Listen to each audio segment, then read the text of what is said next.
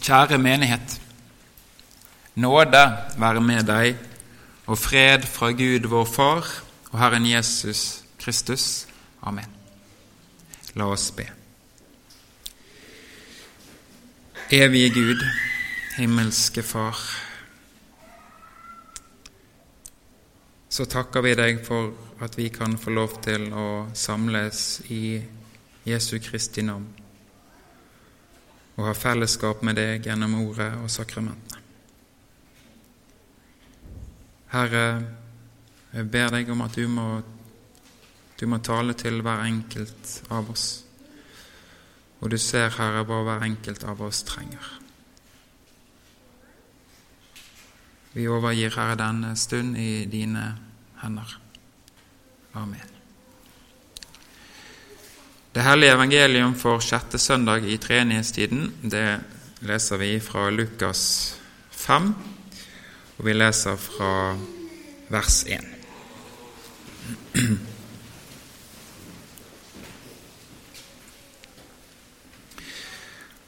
Så skjedde det at folket trengte seg sammen om ham for å høre Guds ord. Og han sto ved Genesaretsjøen. Da så han to båter som lå ved stranden.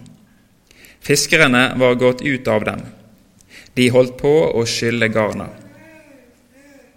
Han gikk da om bord i en av båtene som tilhørte Simon, og ba ham legge litt ut fra land. Og han satte seg og lærte folket fra båten. Da han sluttet å tale, sa han til Simon, legg ut på dypet og kast garna ut til fangst. Simon svarte og sa til ham, Mester, vi har strevd hele natten og ikke fått noe, men på ditt ord vil jeg kaste ut garna. De gjorde så, og de fanget så mye fisk at garna holdt på å revne. De vinket da til lagsbrødrene i den andre båten at de skulle komme og ta i med dem. De kom, og de fylte begge båtene slik at de holdt på å synke. Men da Simon Peter så dette, falt han ned for Jesu knær og sa, Herre, gå fra meg, for jeg er en syndig mann. For redsel kom over ham og alle dem som var sammen med ham, over fiskefangsten de hadde fått. Likedan var det med Sebedeus-sønnene Jakob og Johannes, som var i lag med Simon. Men Jesus sa til Simon, Frykt ikke, fra nå av skal du fange mennesker. De rodde da båtene til lands, og de forlot alt og fulgte ham. Hellige Far, hellig oss i sannheten, ditt ord er sannhet. Amen.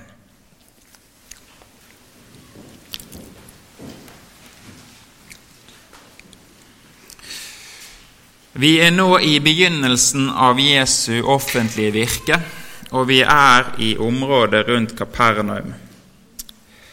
Her har Jesus slått seg ned etter at han flyttet ned fra innlandet, fra høylandet i Nasaret.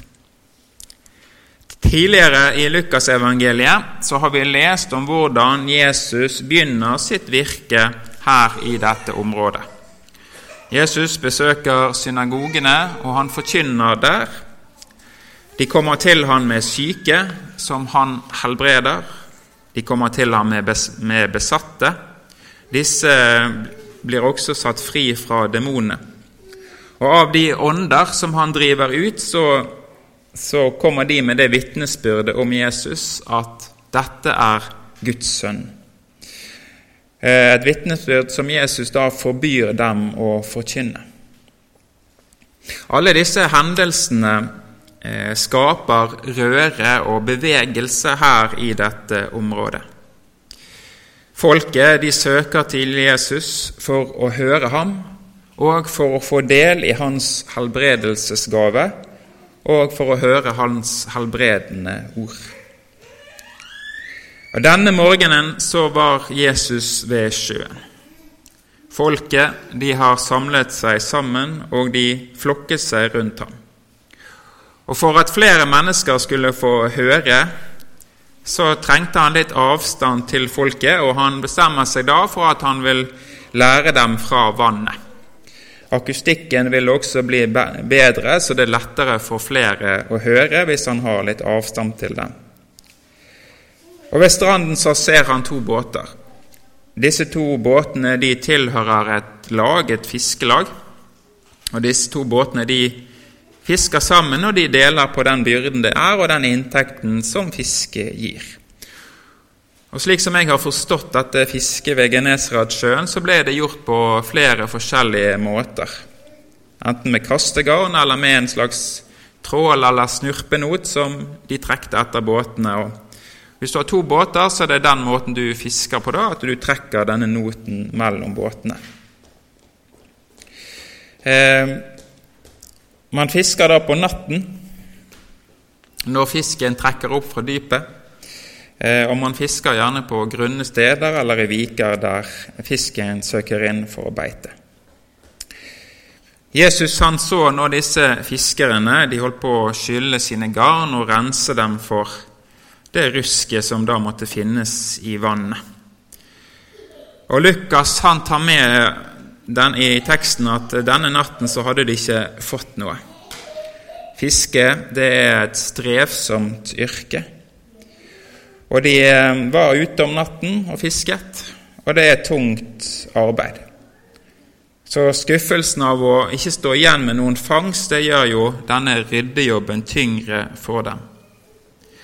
Og så er jo det, dette også det de lever av. Så en dag uten fisk, det betyr også selvfølgelig reduserte inntekter, selv om fiske ofte var en, en, en eh, jobb som eh, man tjente godt på. Så kommer Jesus til disse, og han ber om hjelp for å komme ut på vannet. Fra tidligere i evangeliet i Lukas så kan vi lese om hvordan Jesus har helbredet Simon Peters svigermor og at dette skjedde i Peters sitt hjem når eh, svigermoren hadde feber. Og Simon Peter han er også den første galileer som er navngitt i evangeliet. Så det er noe spesielt her. Så det er nok eh, stor sannsynlighet for at Simon Peter at han da kjenner til, eller kanskje også har snakket med Jesus før, før dette skjedde her med båten. Hvis eh, Jesus har vært i hans hjem, så er jo det sannsynlig at dette har skjedd.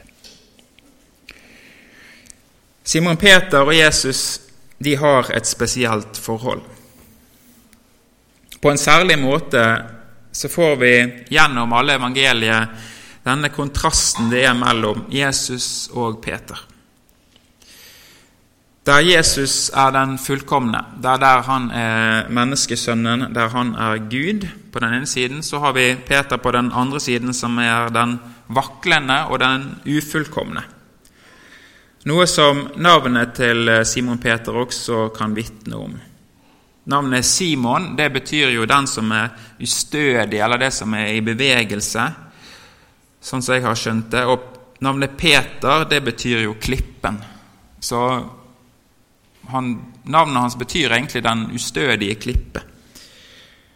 Eh, men likevel, så, selv om Peter har disse trekkene som vi kjenner han til han har, så er Peter Jesu nære venn.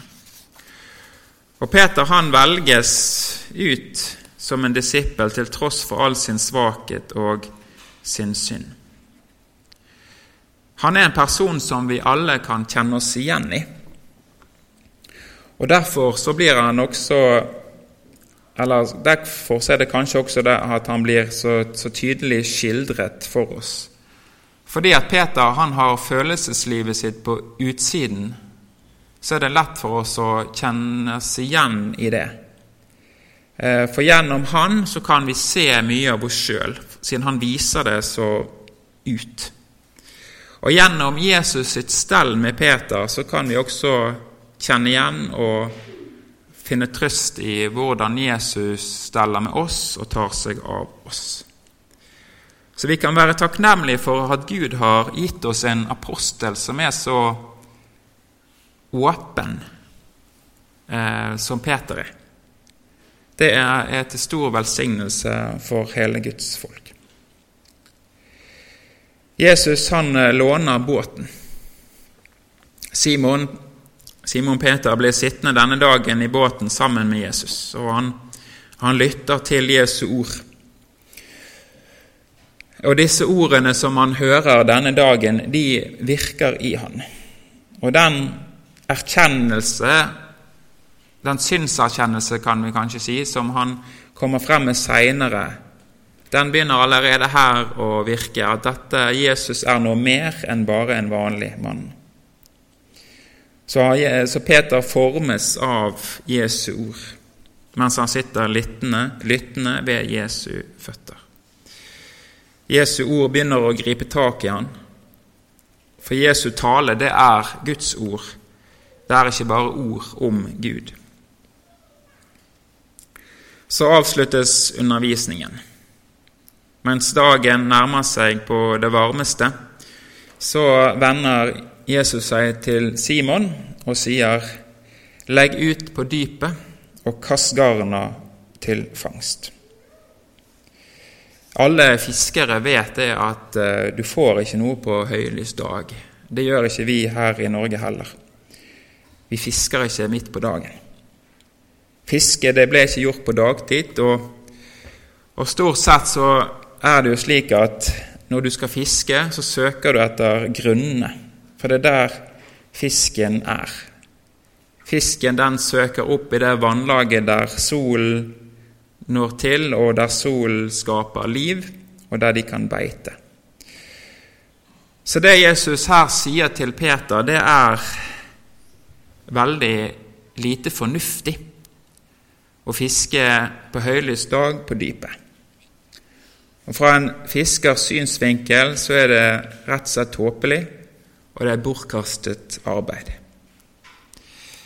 Så Simon Peter han svarer ut fra denne fiskermåten å tenke på. Og han sier at vi har strevd hele natten og ikke fått noe. Og så sier han men eller, han vil jo også være lydig mot Jesus. Han husker kanskje tidligere hva Jesus har gjort med hans svigermor, og han har hørt Jesu undervisning denne dagen. Og svaret hans er nok påvirket også av dette. Når, Jesus svarer Jesus, nei, unnskyld, når Peter svarer Jesus denne dag, så bruker han ordet 'mester'. Og Når han sier ordet 'mester', så er dette et sterkt ord. Det forteller oss noe om Peter sitt syn på Jesus. At han vet at Jesus er noe mer enn en lærer. Mester betydde her en person som har den enerådende autoriteten, en som ikke du stiller spørsmålstegn med. Han er en leder. Og siden han også er en leder, så er han den som bærer ansvaret. Så nå bruker Peter denne, denne tittelen til Jesus. Ja, mester, jeg vil handle på ditt ord, jeg vil handle på din autoritet. Dette her vi nå skal gjøre, som er tåpelig, dette er ditt ansvar. Jeg, men jeg gjør som du sier. Og det er på en måte som han fraskriver seg ansvaret for det nederlaget som han vil forvente av denne fisketuren. Men så kan det også være at det ligger et håp under her om at det kan skje noe mer, og at ordene inneholder en slags dobbel betydning. Og For det er jo noe som kan kjennetegne oss mennesker, oss som Guds folk. At de både kan kjenne på en lyst og en ulyst for det samme samtidig. Denne, denne dobbeltheten. Både lyst til synden og avsky til synden på samme måte. Kjenne på en, et ønske om å stole på Gud på samme tid som vi kjenner en tvil og en skepsis til Gud. Uansett så viser ordene til Peter at dette her det gjøres på Jesu autoritet, på Jesu ord alene. På ditt ord, Mester. Og denne undergjerning som følger, den skjer nettopp på Jesu ord. Det er ikke flaks som gjør at de får fangst denne dagen. Og denne undergjerning som skjer, den er heller ikke avhengig av Peters trostilstand. Om han har stor tillit til ordene eller ingen tillit til ordene. Det skjer fordi at Jesus sier det.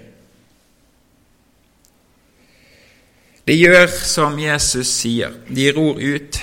De kaster garna ut som de pleier, bortsett fra at de kaster det på dypet. Og Så merker de noe som de ikke har kjent før. De kjenner hvordan levende fisk begynner å sprelle i garnet. Og For de, dere som har fisket med garn, så er det en veldig fin følelse det når du kjenner at her er det noe. Det skaper en forventning og en glede i deg. De trekker inn fangsten, og det blir tyngre og tyngre, og de må rope til den andre båten om at de må komme og hjelpe dem. Og Fangsten den fyller de to båtene så mye at de nesten synker. Det som her har skjedd, det er av en slik karakter at alle som er der, de skjønner at dette er et under. For dette det har aldri før skjedd på Genesaretsjøen. For Simon Peter så blir dette nå et møte med en som er mer enn en mester. For nå ser han Jesus som Herre. Og det ser vi på hva han sier til Jesus. Og Når han bruker ordet 'herre', så bruker han det samme ordet som jødene brukte når de eh, talte om Gud. Han faller ned for Jesu føtter. Han tilber. Det er en tilbedelse som bare gis til det guddommelige. Det er som om Peter her i båten har gått inn i det helliges nærvær. Og vi kan trekke, den, trekke parallell fra denne hendelsen tilbake igjen til profeten Jesaja sin kallelse i Det gamle testamentet, i Jesajas bok kapittel 6, der vi leser om hvordan profeten løftes inn foran Guds trone, foran Guds opphøyde trone, og all himmelens herlighet og hellighet omgir Gud. Og Jesaja som et syndig menneske faller bare ned og vil bort fra dette sted fordi at han er en syndig mann. Han vet at han er uren,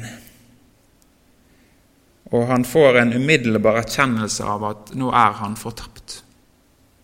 Og En synders møte med Gud gir denne erkjennelsen. Her kan jeg ikke være. Simon Peter kjenner det samme. Han erkjenner, han forstår umiddelbart at han er en syndig mann. Ikke det at vi trenger å tro at Peter var et verre menneske enn noen andre. Jeg tror ikke vi har noen grunn til å tro det. Men dette er den generelle erfaringen av seg selv. Når et menneske kommer til sannheten om seg selv, så er det at 'ja, jeg er en synder'. Det er den som kommer frem i møte med den levende Gud. Og her i dette nærvær av det hellige, her kan jeg ikke være. Og Derfor så svarer, eller sier Peter til, til Jesus, Gå fra meg, for jeg er en syndig mann. Jeg er ikke verdig til å være her i ditt nærvær. Det handler om denne følelsen av å bli utslettet i møte med, med Gud. Hva gjør Jesus i møte med et syndig menneske slik, som kommer med dette, denne bønnen? Han går ikke fra en syndig mann. Her, i møte med dette mennesket, som ikke kan stå for Gud, så tar Jesus initiativet. Han er den som gjenoppretter relasjonen ved disse to og fører de sammen i det rette forholdet. Og det gjør Jesus gjennom ordene 'frykt ikke'. Frykt ikke. Dette er et evangelisk løfte. Det er evangeliet. Det eneste som Simon Peter virkelig har å frykte her i livet. Det eneste hvert enkelt menneske virkelig har grunn til å frykte her i dette livet, det er møtet med den hellige, levende Gud. Ingenting annet trenger å gi oss frykt, bortsett fra dette. Og så er det nettopp dette evangeliet denne Gud sier til denne syndige mann. Frykt ikke. Han tar bort det skillet. Og dette ordet, det virker i Simon Peter. Skaperordet skaper den virkeligheten som det sier, og gir tro til eller tro på dette løftet som Jesus sier. Jesus går ikke bort fra en synder som bekjenner sin synd. Til denne rekker han ut nåden og tilgir synden. Han gjorde det da, og han gjør det i dag til alle oss syndere som hører dette ord. Nå kalles Simon Peter til å bli menneskefisker, til å samle inn til Guds rike folk av alle folkeslag. Og Da rodde de båten til land, og de forlot alt og fulgte han, sto det. Møtet med Jesus kaller dem til oppbrudd. Jesus vil bruke disse tilgitte syndere til redskaper som garn i Guds rike i sitt rike. Møtet med den nådige Gud, det løser de. Det løser de fra de verdslige bindingene. Guds ordet som de hører, det vektes høyere enn de jordiske forhold. Å forlate sin inntekt og sin trygghet og bryte opp til et liv i etterfølgelse det er mulig fordi de har møtt noe som er rikere og tryggere enn det de har hatt. Og Derfor så går disse menn nå inn i et liv i jordisk fattigdom og forfølgelse. Men selv om de gjør det, så er de mennesker som gjør mange rike. Det er mennesker, de er mennesker som er bundet til Jesus Kristus. De er bundet til Han men de kommer med frihet der de går. Og det er bare den levende Gud som kan skape denne endring i et menneske. Jesu kall av Simon Peter og de andre disiplene det var, det var en spesiell hendelse. Men Jesus kaller også oss inn i en etterfølgelse av ham. I dåpen så fødes vi inn i Guds rike. Gjennom, ord, gjennom ordet og brødsbrytelsen så lever vi i fellesskapet med ham. I de ulike kall vi har, altså der som Gud har satt oss, i vår familie, i vårt yrkesliv, i vår hverdagsliv og vårt nabolag, og i vår menighet, så lever vi, i, lever vi livet i Jesu etterfølgelse bundet til Han. Som menneskefiskere, vi også. Vi har et annet mål for livet enn den som lever uten Gud. Vi lever ikke kun for at vi skal fiske nok og sanke nok til oss sjøl, men vi lever et liv der vi skal følge etter Jesus. Og Dette preger oss når vi får være sammen med Han, at vi samler verdier for Guds rike. Og Guds rikdom den gis gjennom syndenes forlatelse til alle som trenger det.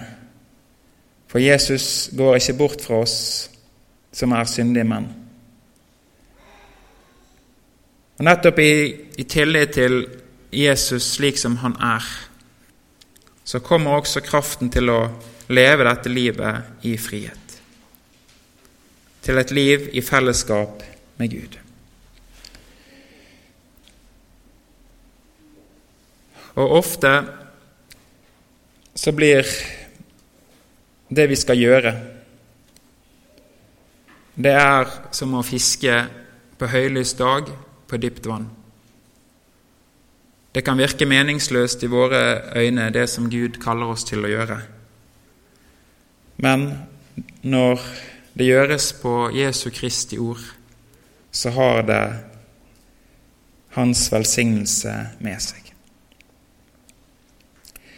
Ære være Faderen og Sønnen og Den hellige ånd, som var og er og være skal, en sann Gud, høylovet i evighet. Amen.